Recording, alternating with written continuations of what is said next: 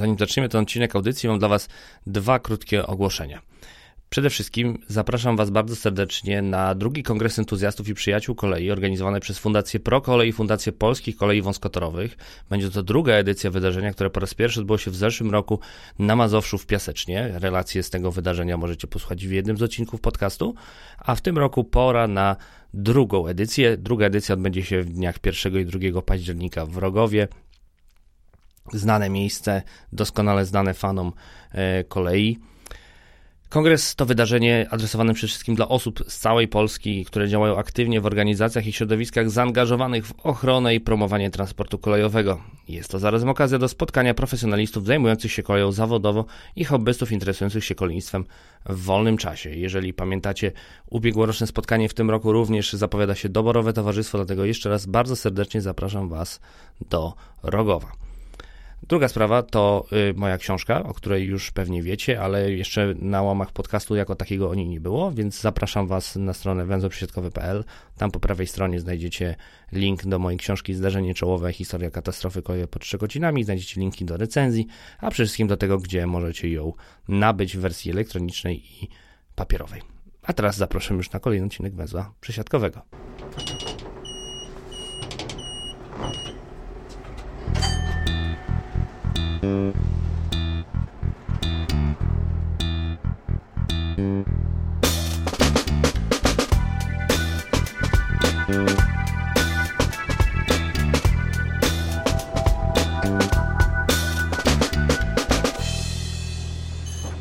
Dzisiaj temat, o który wielu z Was mnie pytało, o który wielu z Was prosiło, a mianowicie ceny energii paliw w transporcie, nie tylko publicznym, ale w ogóle, ponieważ jak wiemy, wszystko co ma koła e, i nawet nie tylko koła, to i potrzebuje się poruszać, potrzebuje paliw i potrzebuje energii. Rok temu na ten temat rozmawialiśmy i było już gorąco. W międzyczasie doszła nam wojna, więc temat można powiedzieć stał się bardzo, bardzo gorący.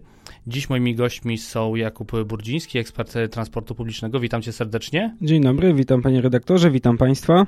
I zdalnie jest z nami pan Tomasz Dobkowski, prezes firmy doradczej Audytel zajmującej się zarządzaniem energią, zakupami energii e, i logistyką. Witam serdecznie. Witam państwa serdecznie.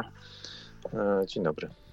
Może powiedzmy sobie e, najpierw zaczynając tą rozmowę od tego, jak zmieniły nam się E, ceny, może żeby zarysować w ogóle skalę e, tego, co się dzieje na rynku, no bo przeciętny, można powiedzieć, zjadacz chleba, przeciętny człowiek, który śledzi ceny energii, no widzi czasem rachunek e, swój za prąd, który jednak jest w jakiś sposób regulowany dość wyraźnie, widzi ceny paliw na stacjach, no ale jak to wygląda, Jakub, zacznijmy może od tego, jak w tym momencie wygląda to w stosunku do tego, co było rok temu, jeżeli chodzi o ceny podstawowych paliw, czyli oleju napędowego, gazu ziemnego i e, energii.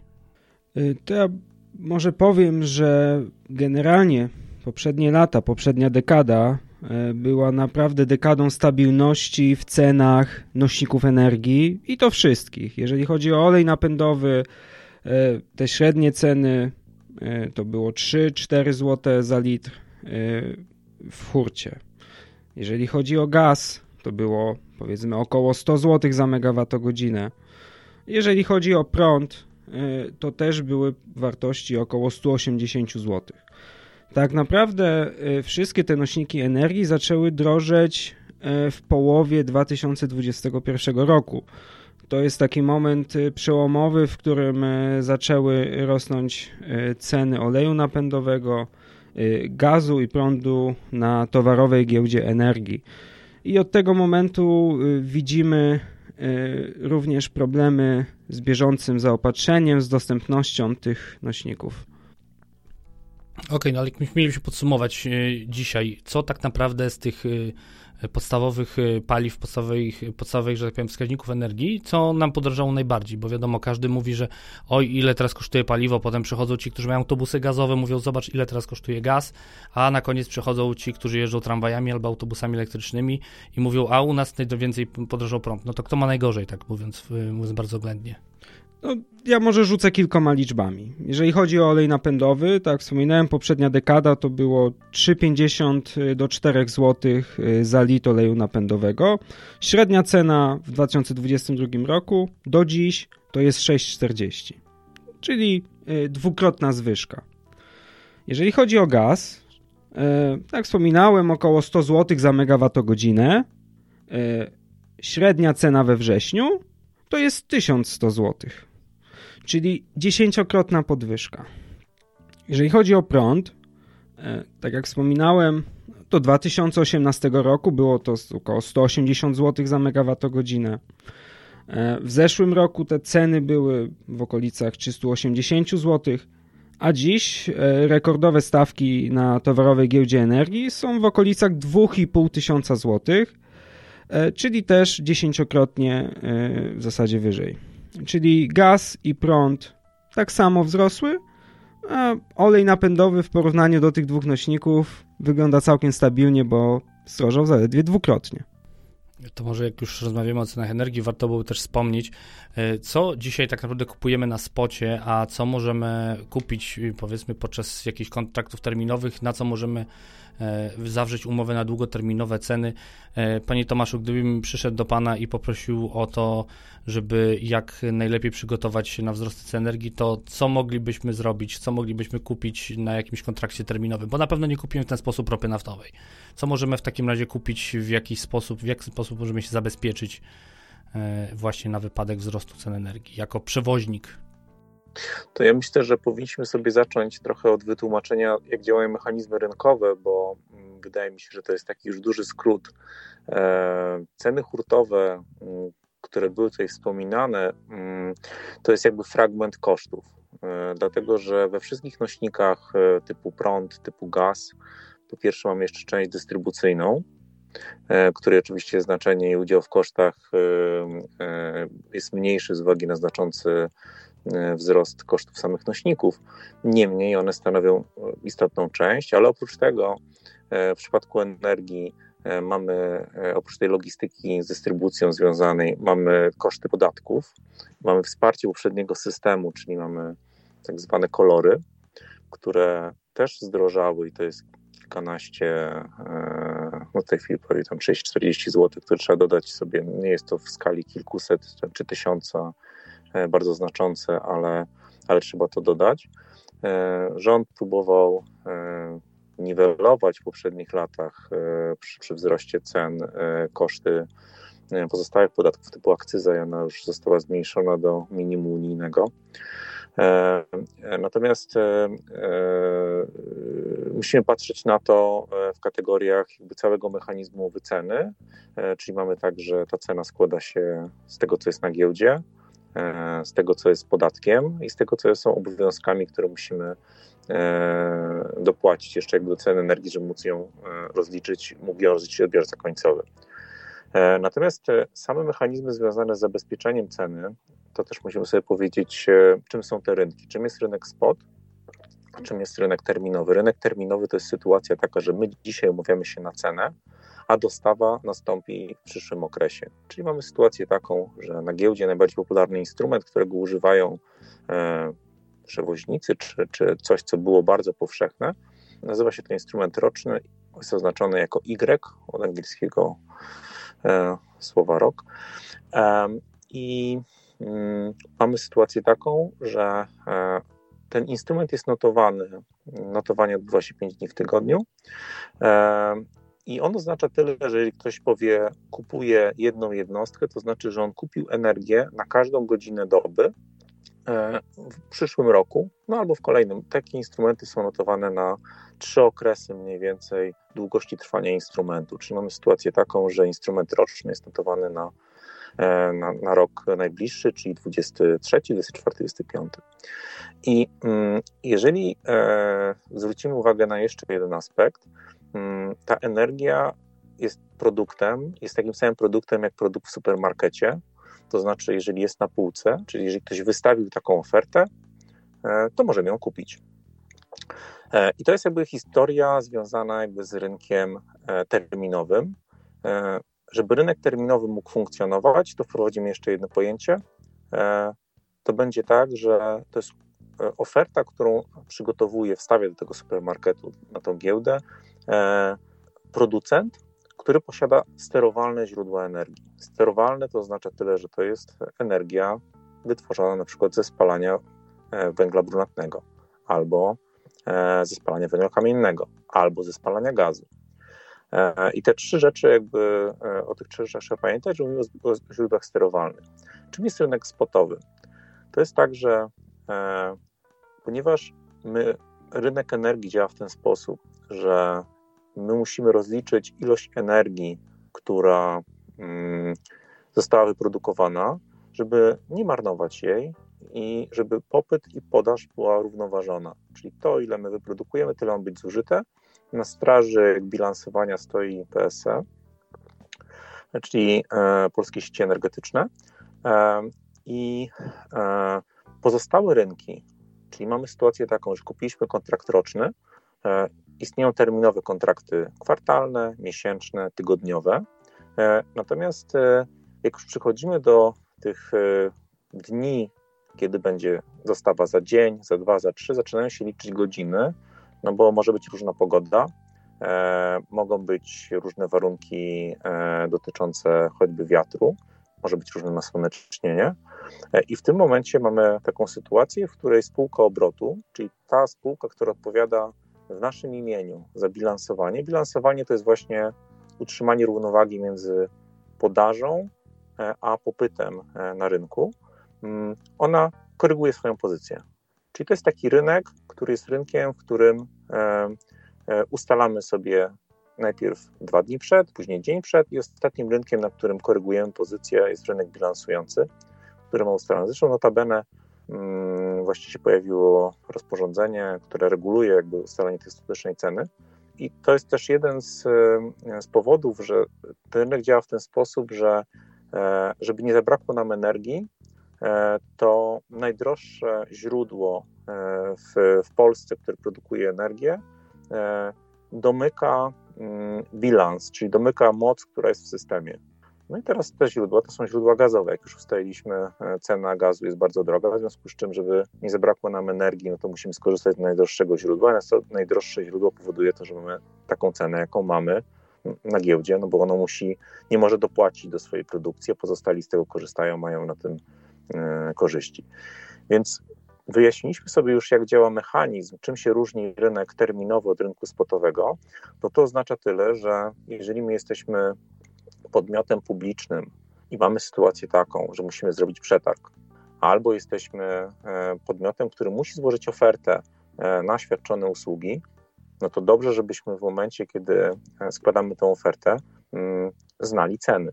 Chyba, że umowa z, z naszym klientem jest taka, że możemy przenieść na niego zmiany w cenie.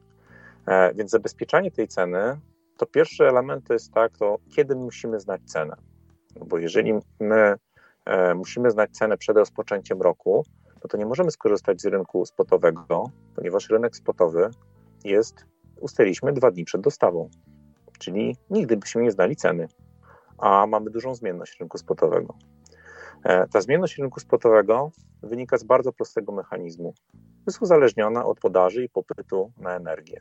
Czyli jeżeli mamy na przykład słoneczny dzień, mamy w tej chwili 6 gigawatów zainstalowanej mocy w źródłach niesterowalnych, a źródła niesterowalne mają pierwszeństwo w rozliczeniu w systemie, czyli one zawsze wyprodukują, zostanie to odebrane i zostaną rozliczone na rynku spotowym. Czyli będziemy mieli taką sytuację, jaką widzimy, widzieliśmy w Niemczech na przykład, że jeżeli jest słońce w ciągu dnia e, i jest bardzo duże jakby nasłonecznienie, to w tym momencie e, ceny na przykład o godzinie największego nasłonecznienia no będą spadać. A w Niemczech nawet były takie sytuacje, że były ujemne.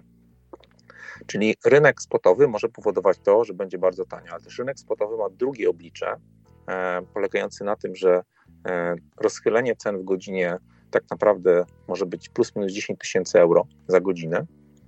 Więc możemy mieć taką sytuację, że na przykład e, blok elektrowni ulegnie systemowej uszkodzeniu, albo będzie niski stan wody, bo jest gorąco, i nagle się może okazać, że takim latem cena energii jest bardzo wysoka e, w jakiejś godzinie, bo popyt jest. Musieliśmy uruchomić jakąś elektrownię doraźnie, która ma wysokie koszty, albo w ogóle musimy wykonać e, działania jakieś interwencyjne na rynku. Jest tam sporo jeszcze innych mechanizmów polegających na tym, że, mm, że mamy ograniczenia związane z przesyłaniem energii, Polska jako kraj ma stosunkowo małą wymianę z innymi krajami dookoła, więc nawet jak byłaby super tania energia na Ukrainie, to my dopiero myślimy o tym, żeby przywrócić z powrotem most. Mamy działającą linię ze Szwecją, ale jakby są okresy, że to my jesteśmy eksporterem. Więc jakby te, te mechanizmy związane jakby z tym, jaka będzie cena na spocie, uzależnione są od sytuacji mocno jakby e, takiej, jaka, e, jaka jest w danej chwili, jeżeli chodzi o podaż, popyt, e, otoczenie, ceny nośników energii, choćby gazu, skoro jakby to źródło gazowe musi być uruchomione. Więc jeżeli dzisiaj mówimy o strategii zabezpieczenia ceny, no to pierwsze pytanie, jakie trzeba sobie zadać, to czy jak, jak i kiedy muszę znać cenę. Jeżeli muszę znać cenę przed okresem dostawy, no to zostają mi produkty terminowe. No i tu dochodzimy do drugiego problemu, e, dlatego że mniej więcej e, od połowy roku, jak ceny zaczęły rosnąć, to okazał się problem w ogóle z podażą oferty. Czyli nawet jakbyśmy bardzo chcieli kupić tą energię, to może nie być od kogo e, jej kupić, bo może nie być ofert. W sensie takim, że jeżeli rosną ceny, to obie strony grają w ten sposób, że wytwórca myśli sobie, no dobrze, dzisiaj jest po tyle, cały czas rośnie, to może być po tyle to może nie będę sprzedawał całej mojej energii, tylko sprzedam trochę, no bo będę mógł zarobić więcej w ten sposób. Druga strona, e, bo on widzi też stronę popytową, no bo cena cały czas rośnie, no to coraz więcej podmiotów chce kupić, żeby zabezpieczyć cenę. E, czyli e, przy małej podaży i małej płynności może się okazać, że nie dostaniemy w ogóle oferty. No bo mm, wyobraźmy sobie, że E, ogłaszamy przetarg albo rozmawiamy ze spółką obrotu, która odpowiada za to, żeby mm, e, była równowaga między podażą i popytu i to ona poniesie koszt w koszcie bilansowania. Jeżeli się pomyli, e, no to taka spółka nie będzie chciała mieć sytuacji takiej, że nie ma zabezpieczonego wolumenu energii kupionego na nasz wolumen, że ma otwartą pozycję. No bo jeżeli by się okazało nagle, że jest plus minus 40, 10 tysięcy euro z godziny za 1 MWh, a to rozchwianie byłoby większe, mm, no to y, będzie bardzo duży problem dla niej od strony mm, kosztów i marży, albo może nawet doprowadzić do jej upadku. I mieliśmy takie historie, że część spółek, która nie miała zabezpieczonych pozycji i liczyła na to y, przy takim kryzysie, może Państwo pamiętają historię na temat E, ingerencji na koniec roku e, i, i decyzji, którą podjął Sejm, mówiący o tym, że mm, ograniczymy, e, że zwrócimy tak naprawdę różnice w stawkach. Cały ten proces i sam pomysł ingerencji w rynek mm, powodował jeszcze kilka mm, poprawek do ustawy, ponieważ okazało się dużo bardziej skomplikowane. E, niż wszystkim się to pierwotnie wydawało, e, ale mm, e, to pokazuje, że historia i myślenie na temat rynku, że, że te ceny są takie, że możemy przewidzieć, jest jakby myśleniem bardzo takim życzeniowym i tak naprawdę mm, kluczowym elementem jest myślenie kategoriami takimi, E, w jaki sposób przeprowadzić ten proces zabezpieczenia ceny A, byśmy dostali oferty, B, żeby ryzyko związane z ustaleniem tej ceny było e, podzielone między strony, e, bo może się okazać, że spółka obrotu po prostu nie złoży oferty, może się okazać, że spółka obrotu, która ma świadczyć nam tą usługę rozliczenia tej energii, może nam zbankrutować, może się okazać, że spółka obrotu e, położy nam bardzo wysoką cenę, choćby dlatego, że my powiedzieliśmy zgodnie z procedurami zamówień publicznych, że my teraz e, ogłosimy przetarg, za 45 dni e, otworzymy go i później będziemy jeszcze ileś dni sprawdzali jakby dokumenty, w związku z czym przy zmianie ceny, jaką Państwo mogą obserwować w ciągu tygodnia, która może być nawet 300-400 e, zł, e, to czekanie 6 tygodni e, na potwierdzenie, że jesteśmy wybrani jako oferent, no może spowodować to, to, że ktoś powie, OK, nie mogę złożyć, albo nie mamy konkurencyjności jakby tej oferty, albo nie ma ofert na rynku, bo wolumen jest tak duży, że nie możemy go zabezpieczyć. Więc chyba nie ma prostej odpowiedzi na, na pytanie, to jak zabezpieczyć, pytanie, co chcemy zabezpieczyć, pytanie, jak duży wolumen chcemy zabezpieczyć. E, I ostatnie pytanie, czy możemy sobie pozwolić na to, żeby pozostać z pozycją otwartą, patrz, e, rynek spotowy. My pracujemy z dużymi podmiotami, które budują różnorodną strategię, natomiast w reżimie zamówień publicznych przygotowanie takiego zamówienia E, który będzie mm, w jakiś sposób e, otwarty albo będzie wykorzystywać jakiś mechanizm związany z, z, z mechanizmem wyznaczenia ceny, mm, polegający na tym na przykład, że e, spółka obrotu będzie kupować dla nas energię, wyznaczać cenę w jakimś okresie, oznacza tyle, że my musimy przewidzieć czas na te wszystkie procesy i procedury. Mamy końcówkę roku, tak naprawdę, jeżeli chcemy coś kupić na przyszły rok i znać cenę w tym roku, to do 10 grudnia my musimy mieć podpisane umowy, jeżeli mamy zmienić sprzedawcę, ponieważ procedura obliguje nas do tego, żebyśmy w odpowiednim czasie zgłosili mm, do e, dystrybutora energii fakt zmiany sprzedawcy. To niewiele tutaj pozostaje e, elastyczności w zakresie tego, w jaki sposób zabezpieczymy cenę, pamiętając o, o ryzyku związanym z tym, że jeżeli wszyscy by chcieli nagle zabezpieczać tą cenę, to zgodnie z zasadami podaży i popytu ta cena wzrośnie. Albo może być jej niewystarczająco dużo, żebyśmy, żeby spółka obrotu mogła zabezpieczyć e, cenę. Więc chyba nie odpowiedziałem wprost na pytanie, to jak to zabezpieczyć, ale spróbowałem nakreślić mechanizmy, które towarzyszą dzisiaj rynkowi e, energii. I z drugiej strony chciałem powiedzieć coś optymistycznego. E, dlatego że obserwujemy e, po tym, jak Unia Europejska wyraziła zaniepokojenie sytuacją na rynku i powiedziała, że, że rozważa jakby ingerencję w rynek albo ograniczenie ceny. Mamy sytuację w otoczeniu rynkowym. Czesi w tej chwili wprowadzili ograniczenia cen energii i gazu na przykład. W Polsce się mówi jakby o takich mechanizmach i widać już, że Unia jakby nie będzie blokować takich działań ze strony poszczególnych, poszczególnych krajów. Widzę na przykład e, to, że bardzo e, silnym czynnikiem kosztotwórczym e, dla kosztów wytwarzania energii, choćby z węgla i kamiennego i brunatnego, była emisja i prawa do emisji CO2, które kosztowały już w tym roku 90 prawie euro za tonę, a w tej chwili mm, one spadły do 70, poniżej 70. I, mamy w tej chwili odbicie w, w dół cen. E, pytanie, czy ten trend się utrzyma, jak długo. No i mógł powiedzieć, OK, e, no to czekajmy do teraz pierwszego dołka i, i w takim razie wtedy zabezpieczajmy cenę. No oczywiście z powodów operacyjnych e, nie jest to możliwe, no bo mm, to są duże kwoty, są procedury zakupowe, no i ktoś musi podjąć decyzję, że to jest ten moment, kiedy cena odbiła.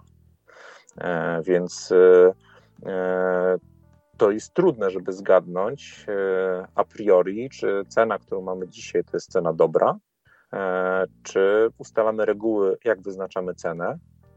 I większość zamawiających myśli kategoriami takimi.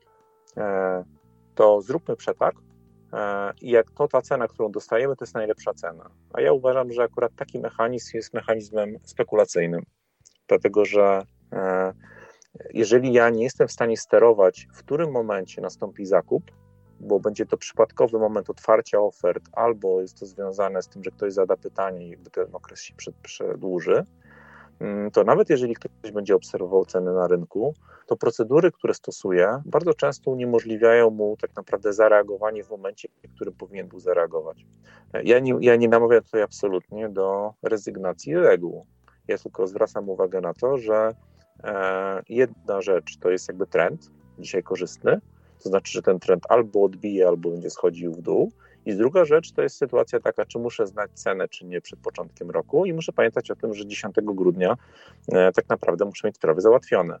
E, a mamy wrzesień, mamy terminy, więc tutaj każdy z, każda z osób, która musi podjąć tę decyzję, no, musi jakby sama e, rozważyć. Ja w tej chwili obserwuję rynek kolejowy z kolei, też ciekawa rzecz się zdarzyła, że e, zniknęły oferty na przykład e, polegające na tym, że, że ktoś da postępowaniu czy mechanizmach postępowania stałą cenę.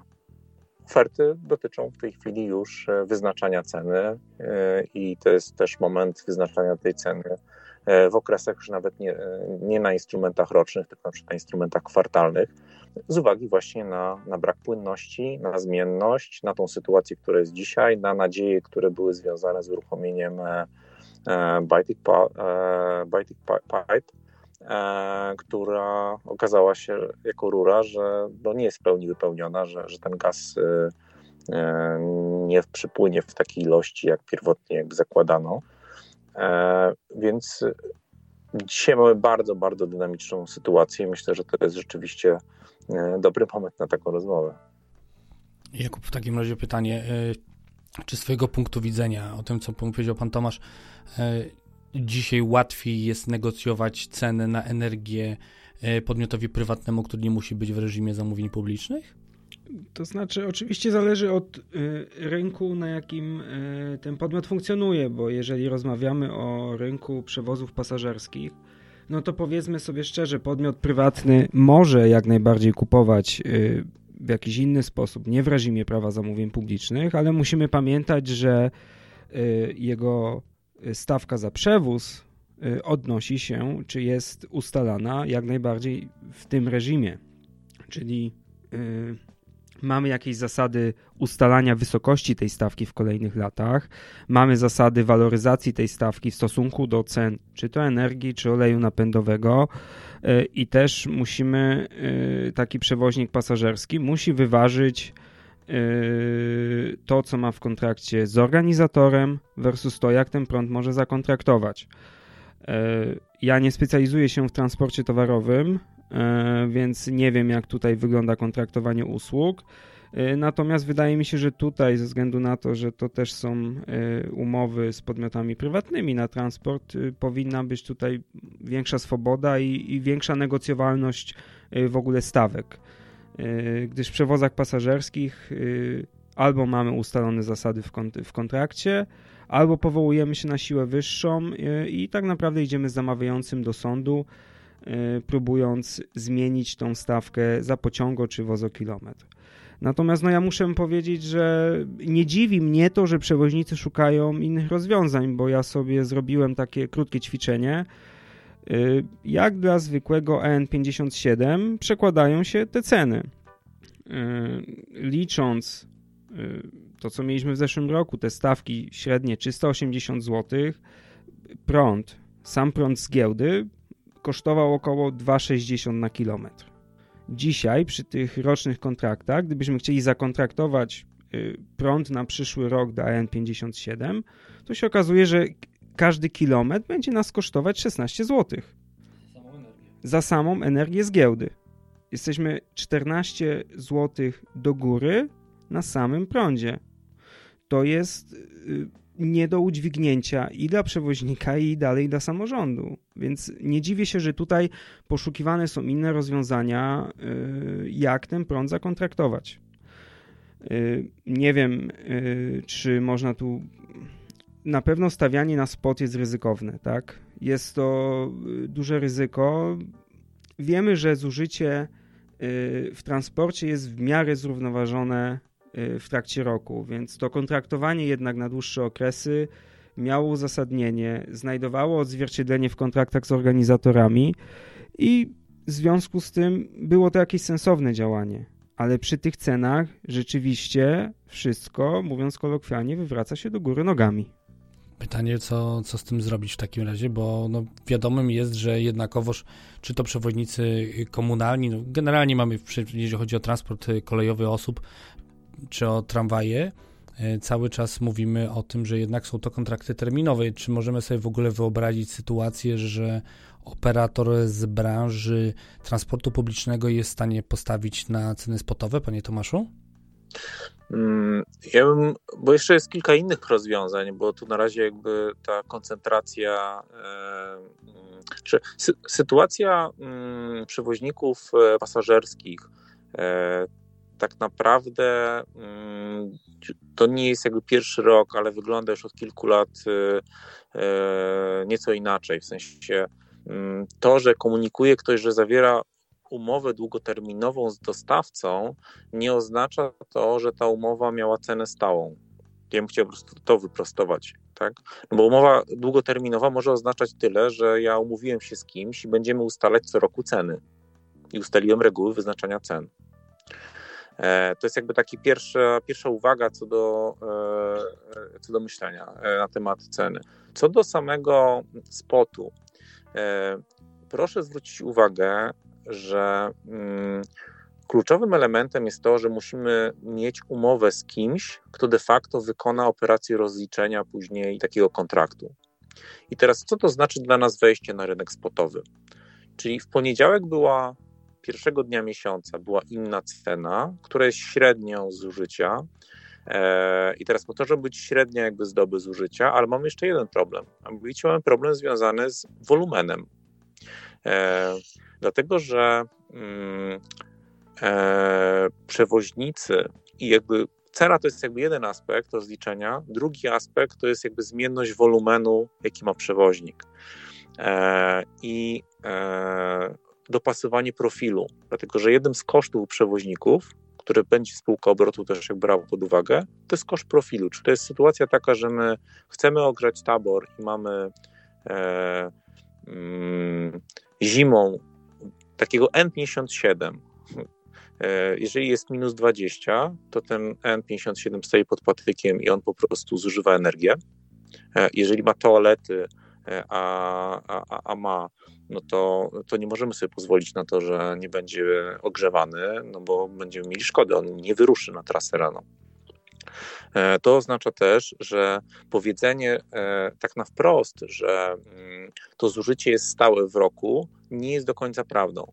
E, to zużycie się zmienia i dla spółki obrotu zmienność zużycia pojazdów w transporcie, tej infrastruktury też zaczyna ciążyć, bo jeżeli mamy sytuację taką, że wcześniej te koszty bilansowe, koszty odchyleń były małe, to w tej chwili to ryzyko zaczyna być coraz większe. Więc jakby dzisiaj e, kontrakt na energię to nie jest tylko kwestia powiedzenia, jaka jest cena. To jest kwestia e, zarządzania też ryzykiem, na przykład wolumenowym. I teraz wracając jakby do problemu spotu i rozliczeń technicznie nie ma problemu. Na koniec miesiąca z cen z każdego e, dnia, ponieważ e, rynek spotowy jest notowany każdego dnia w przeciwieństwie do rynku terminowego, e, po prostu jest wyznaczana cena i ta cena jest jakby, z tą ceną jest rozliczana energia. Natomiast takie działanie może być wykonane wtedy, kiedy ktoś kupuje wystarczająco dużo energii, bo też jakby zwracam uwagę na jedną rzecz – My dzisiaj mówimy o tym, że ktoś kupi produkt e, na rynku terminowym, wyznaczy cenę. Tylko mm, wyznaczanie ceny na rynku terminowym to jest przywilej tych e, e, i tak samo udział w rynku spotowym, ponieważ koszt do tego rynku, znaczy udział w tym rynku to też jest koszt dla spółki obrotu i to znaczący.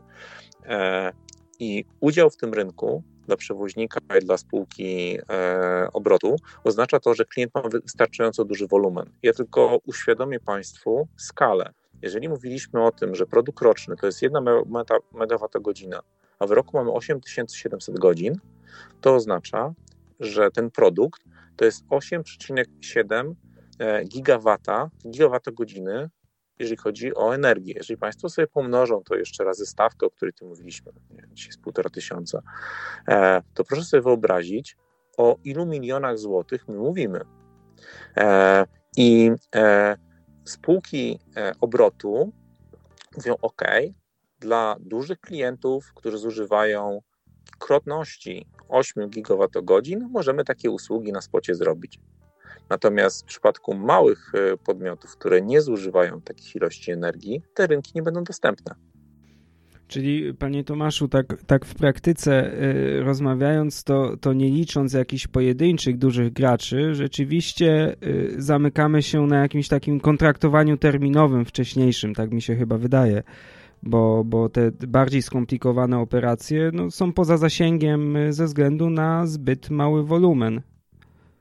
Dokładnie tak, bo jeżeli później jest, e, e, jeżeli rozliczalność na rynku bilansującym mamy na poziomie 1 MWh, no to klient, który będzie miał e, na dobę, wyjdzie mu, że on zużywa w danej godzinie 100 kW, no to, to on jest problemem dla takiego, takiej spółki obrotu. No bo mamy odchylenia, których oni nie widzą, które mogą rozliczyć, które mogą wpaść, więc y, to, to jest y, sytuacja taka, że wtedy y, może być to korzystne, jeżeli ktoś by się wyspecjalizował w tych podmiotach i ma wtedy duży portfel w każdej godzinie i jakby dużo tej energii może wtedy zabezpieczać, ale praktyka jest taka, że żeby wchodzić nawet na rynek terminowy dzisiaj z ofertą, czy nie być skazanym na to, że spółka powie, OK, to tak wyznaczamy i koniec, żeby móc w ogóle prowadzić dyskusje, negocjacje, to ten wolumen no, musi przekraczać pewnie te 8 e, giga, żeby ta, ta dyskusja była dyskusją w ogóle. Bo inaczej i tak zostanie to sprowadzone do tego, że, e, że wyznaczymy tego dnia cenę i Państwu zabezpieczymy.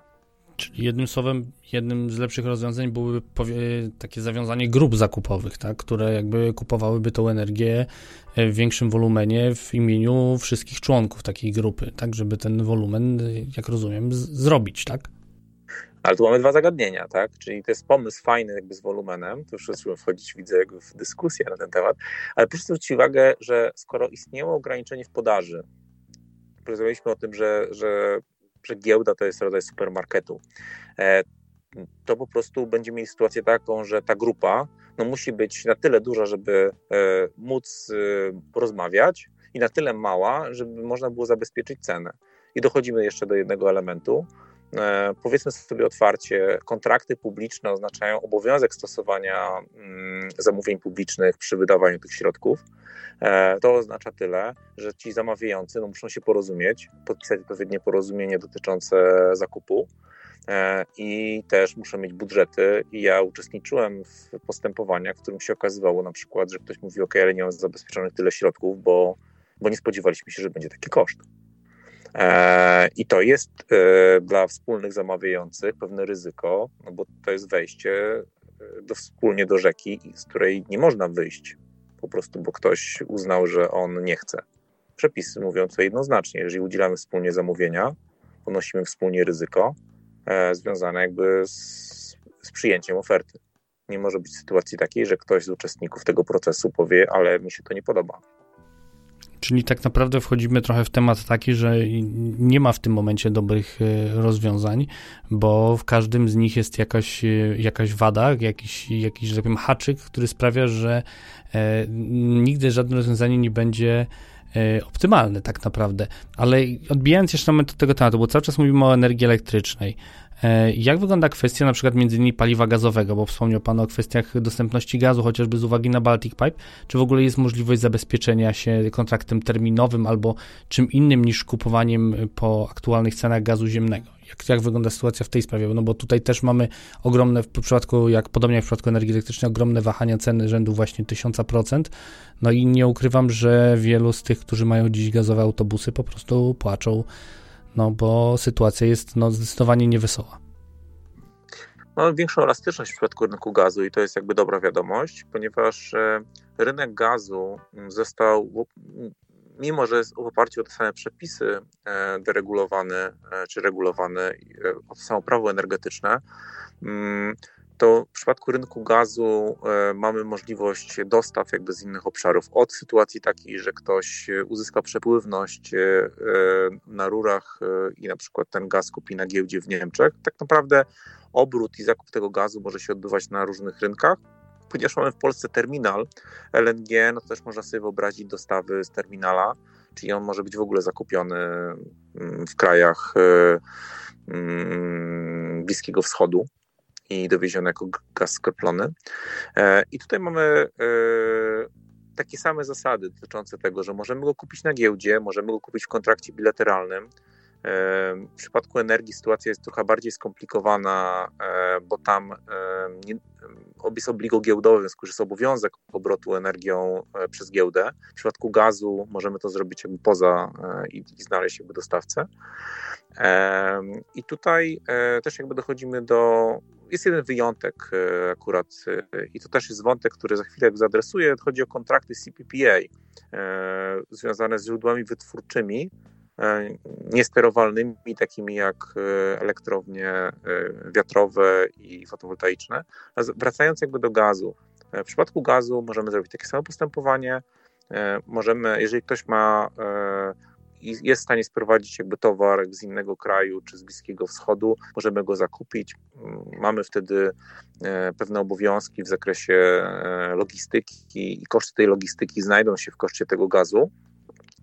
E, natomiast oczywiście dzisiaj w ogóle jest kłopot taki, że ograniczenie dostaw od, od kluczowego gracza, tak naprawdę, jakim była dla Europy Rosja, mm, powoduje to, że odbudowanie tych łańcuchów e, e, węglowodorów e, i dostaw jakby tych węglowodorów mm, no, idzie bardzo, bardzo powoli. Przygotowujemy się na zimę, zapełniamy magazyny. To, że mamy nawet dzisiaj przepływności logistyczne z Norwegią, no to oczywiście być może mm, PGNiG pewnie będzie wykonywał takie ruchy w postaci kupowania na spocie w Norwegii, bo będziemy jak je przespać. Otwiera to jakby możliwości. E, ale e, czy to wpłynie istotnie jakby na ceny gazu, na zmniejszenie? Myślę, że najbardziej e, wpłynie uspokojenie sytuacji mm, na wschodzie i zbudowanie z powrotem, odbudowanie magazynów w tej chwili gazu, bo to będzie jakby element, który powinien ustabilizować cenę. Natomiast wszystkie mechanizmy, o których rozmawialiśmy dotyczących rynku energii, tak samo działają na rynku gazu ta sama regulacja. Ja się chyba z panem Tomaszem e, muszę troszkę nie zgodzić e, z tą taką tezą o, o takiej większej, nie wiem jakby to nazwać, płynności rynku, e, bo rzeczywiście z jednej strony jest o wiele większa otwartość możliwości zawierania tych umów. Oczywiście ja teraz to mówię z perspektywy takiego transportu publicznego i takich wolumenów, jakie w transporcie publicznym występują, bo w skali takiej krajowej rzeczywiście jest jakaś dowolność, y, można indeksować się, y, można kupować ten gaz w odniesieniu do innych giełd, do innych portów. Natomiast z perspektywy przedsiębiorstwa, które ten gaz kupuje, ja mam takie wrażenie, że jednak ten rynek energii elektrycznej jest bardziej płynny, jest więcej, głównie ze względu na to, że jest więcej dostawców, jest więcej uczestników tego rynku niż na tym rynku gazowym ja mam takie wrażenie, że jednak y, ten rynek y, gazu, czy to CNG, czy LNG, jednak jest mocno pod y, dyktando naszego krajowego PGNiG, ze względu na to, że też nawet na towarowej giełdzie energii większość podaży jest właśnie z tego źródła. I moje obserwacje właśnie raczej są takie, że nie ma takiej dowolności w wyborze y, kontraktowania tego gazu. Ja mam taką obserwację, że jest kilka podmiotów, które ten gaz oferuje, ale generalnie formuła cenowa jest ograniczona y, czasem jest możliwość zawarcia kontraktów rocznych, ale generalnie cena jest w odniesieniu do kontraktów miesięcznych, czyli y, na przyszły miesiąc cena we wrześniu, to średnia cena kontraktów sierpniowych na wrzesień. E, przy czym, tak jak mówię, to, to nie jest takie spojrzenie makro na cały rynek gazu, tylko z perspektywy przewoźnika. No i oczywiście jest to problematyczne, bo ta zmienność w skali roku jest y, znaczna. Ja pamiętam rekordową cenę gazu w 2020 roku 27 zł za megawattogodzinę. E, tak jak wcześniej wspominałem, e, teraz we wrześniu ta średnia cena wynosi około 1100, czyli e, jak w 2020 roku mogliśmy jeździć za sam gaz z giełdy za 15 groszy za kilometr, tak dzisiaj jest to około 6 zł. Ja chciałbym przypomnieć, że średnia taka stawka za wozokilometr w kraju, jeżeli chodzi o transport miejski, no to jest od 7 do 10 zł. Czyli przy dzisiejszych stawkach my jeździmy tylko po to, żeby pokryć cenę zakupu gazu z giełdy. Ja myślę, że to jest jakby celna uwaga, ale my mamy ten sam mechanizm, tak jak z rynkiem energii, w sensie takim, że jeżeli ktoś ma wystarczająco duży wolumen, no to może sobie pozwolić na to działanie związane z tym, że będzie dywersyfikować. To jest cały rynek, z uwagi na to, że mm, deregulacja zadziała w ten sposób, że powstało ilość grup energetycznych na rynku energii, który stanowi rodzaj oligopolu, ale jednak różnicują swoją ofertę i próbują ze sobą konkurować, no to cały rynek jest tak naprawdę e, ustawiony w ten sposób, że to jest jakby polityka PGNiG-u. i tak naprawdę wszyscy się pozycjonują do, do cennika PGNiG-u jakby pokazując oferty. E, I, I tu się zgadzam jakby z panem, że jeżeli ktoś mówi, OK, mamy problem z dostawami. Druga rzecz, pojawiło się sporo obowiązków dla alternatywnych sprzedawców, choćby związane z magazynowaniem, które podnoszą koszty. E, I mm, e, konkurencyjność jest mała, ale to jest odczarujmy jakby tą sytuację. W ogóle jakby dyskusja na temat tego biznesu, marżowości, czy gazu, czy energii, czy, czy paliw ich dystrybucji E, jest, e, to są jak naprawdę bardzo małe kwoty. Jeżeli mówimy o, o konkurowaniu e, w tych nośnikach energii między dostawcami, mm, to tak naprawdę te marże są minimalne. Wolumeny jakby pokazują, umożliwiają uzyskiwanie jakichś, jakichś wartości, na których one funkcjonować i ci, którzy mają duży udział w rynku, tak naprawdę sterują tym rynkiem i ustawiają jakby ten poziom bazowy. I, i, i pozostali uczestnicy stanowią jakiś, jakiś mały, e, mały procent jakby tego, e, co są w stanie uzyskać w tym rynku. Jak będą za duzi, będą za bardzo agresywną mieli politykę, to wcześniej czy później e, główny gracz zmieni swoją politykę, punkt odniesienia, no i ten, ten, ta, ta nierównowaga zniknie. To taka makro ekonomiczno, jakby rynkowa obserwacja. Nie? Czy jakby rzeczywiście problem mają e, podmioty, które chcą kupić niewielką ilość gazu e, i albo są, albo muszą to zrobić w oparciu o ofertę jakby cenik, jeżeli są zabezpieczone, no ktoś mówi formuła cenowa opiera się na przykład po ocenę z poprzedniego miesiąca jakby z dostawy. Proszę zwrócić uwagę też, że, że Polska jako kraj też miała inną formułę cenową i e, dwa lata temu albo trzy z dumą ogłoszono, że wymyślono, że będzie się opierać jakby o rynek e, e, i o notowania. No i efekt jest taki, że mamy wysokie ceny, a ich nie musieliśmy mieć, bo poprzednia formuła by tego nie spowodowała, ale tego nikt nie wie tak naprawdę. Wtedy się wydawało, że inna formuła na rynku gazu będzie bardziej atrakcyjna, będą niższe ceny, ale okazało się, że, e, że, że jakby zmiany w otoczeniu makro E, spowodowały to, że, że te notowania mm, na giełdach gazu i ropy, szczególnie gazu, wzrosły. Tak? No więc y, też mamy tego skutki nie? w taryfie PGNiG-u. Mimo, że ona jest bardzo kontrolowana i wiadomo, że mm, nie można doprowadzić do pewnej eskalacji, bo zwróćcie uwagę, rozmawialiśmy o koszcie transportu, e, ale ona będzie czynnikiem silnie inflacyjnym. E, natomiast ja bym się jeszcze odniósł do jednej rzeczy, o której Pan wspomniał, jakby a propos mm, kosztów przejechania e, kilometra, bo dochodzimy do pewnych paradoksów. Z jednej strony zależy nam na tym, żeby zmniejszać emisje i mówimy, ok, transport oparty na prądzie jest bardziej ekologiczny, bo nie ma jakby tej lokalnej emisji, ale z drugiej strony przy tych różnicach w nośnikach energii E, okazuje się, że najbardziej racjonalnym, ekonomicznym podejściem byłoby korzystanie dzisiaj z pojazdów spalinowych i, i z trakcji spalinowej. E, co też pokazuje to, że mm, z jednej strony mówimy o transformacji zielonej, ale z drugiej strony mechanizmy dzisiaj rynkowe e, powodują to, że, że to jest jakby kompletnie nieopłacalna opcja. I nawiążę jeszcze do ostatniej rzeczy, e, która nie jest związana z rynkiem gazu, jest bardziej związana z rynkiem energii, a mianowicie to, że mimo, że istnieje obligo giełdowe, to z niego wyłączone są źródła, tak jak wspomniałem, e, wiatrowe, w związku z czym istnieje alternatywa możliwości na przykład zabezpieczenia ceny, jeżeli mówimy o jakichś, tylko że to są jakby kontrakty wielo, wieloletnie, gdzie możemy zawrzeć umowę poza giełdą z producentem energii ze źródła odnawialnego, e, która będzie miała 7, 8, 10 lat, mogę powiedzieć 15, e, w oparciu o którą on finansuje budowę jakby tego źródła, dobieramy do tego spółkę, która będzie odpowiadać za bilansowanie i możemy uzyskać cenę w korytarzu, która będzie połową e, cen, które dzisiaj mamy na giełdzie. Oczywiście jakby mamy tutaj też ekspozycję na ryzyko, bo umawiamy się na dosyć długi okres. My nie wiemy, jak te ceny będą wyglądać za 10 lat.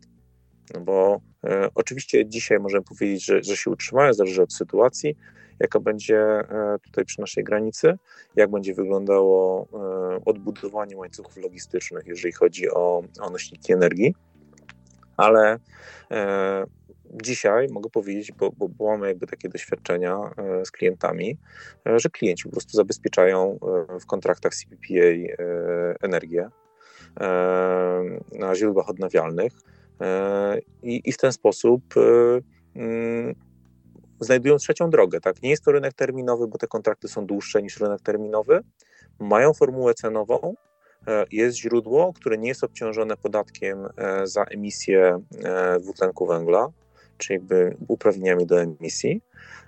W związku z czym jest w stanie oferować to za 600 zł, 700 zł, a nie za 1500, jak mamy dzisiaj na towarowej giełdzie energii. Musimy powolutku zmierzać do końca naszej rozmowy. Pojawił się tutaj natomiast e, ważny e, element dotyczący oleju napędowego, który okazuje się być e, wbrew pozorom, mimo że jest emisyjnym źródłem energii, nawet trudno tutaj ubrać go w jakiekolwiek ekologiczne barwy. Okazuje się jednak, że jeżeli chcemy nalać paliwo do autobusu, to okazuje się, że jest to najpewniejszy sposób tankowania i przez wiele lat wiele osób powtarzało mi, że jedyny sposób zakupu paliw płynnych w postaci oleju napędowego to jest e, codzienna cena po prostu w hurcie.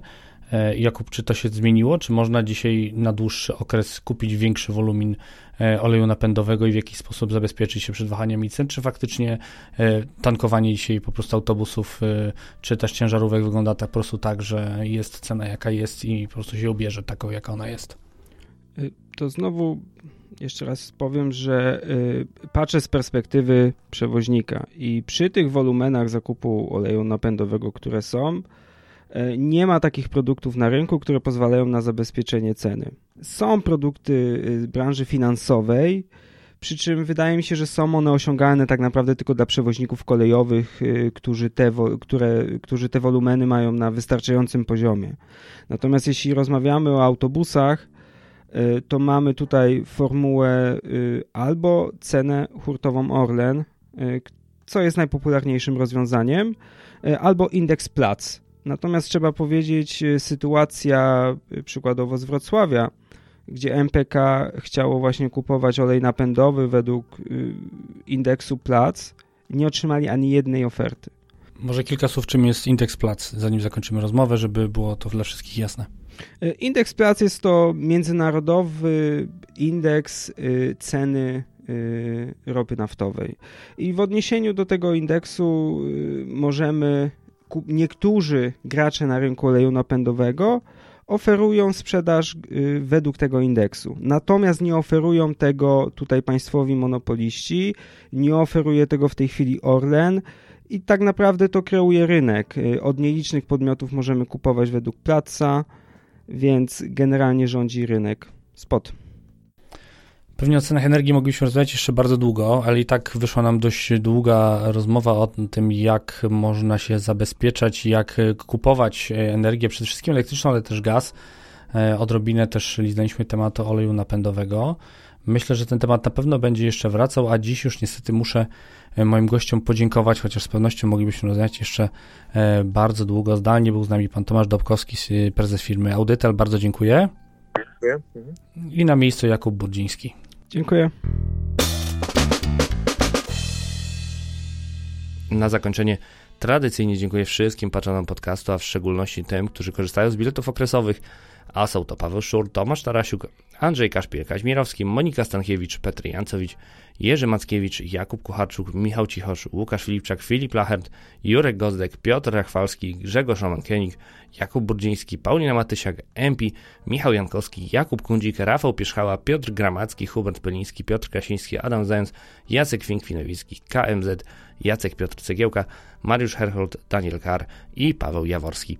Jeżeli chcecie dołączyć do tego grona, serdecznie zapraszam Was na patronite.pl przesiadkowy. Na dziś to wszystko. Do usłyszenia.